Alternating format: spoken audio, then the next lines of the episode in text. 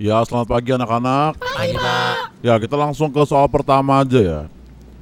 Pak Ganjar tidak pernah bersyukur. Angkat tangan. Tangkap tangkap nih orang, tangkap tangkap dia, tangkap dia.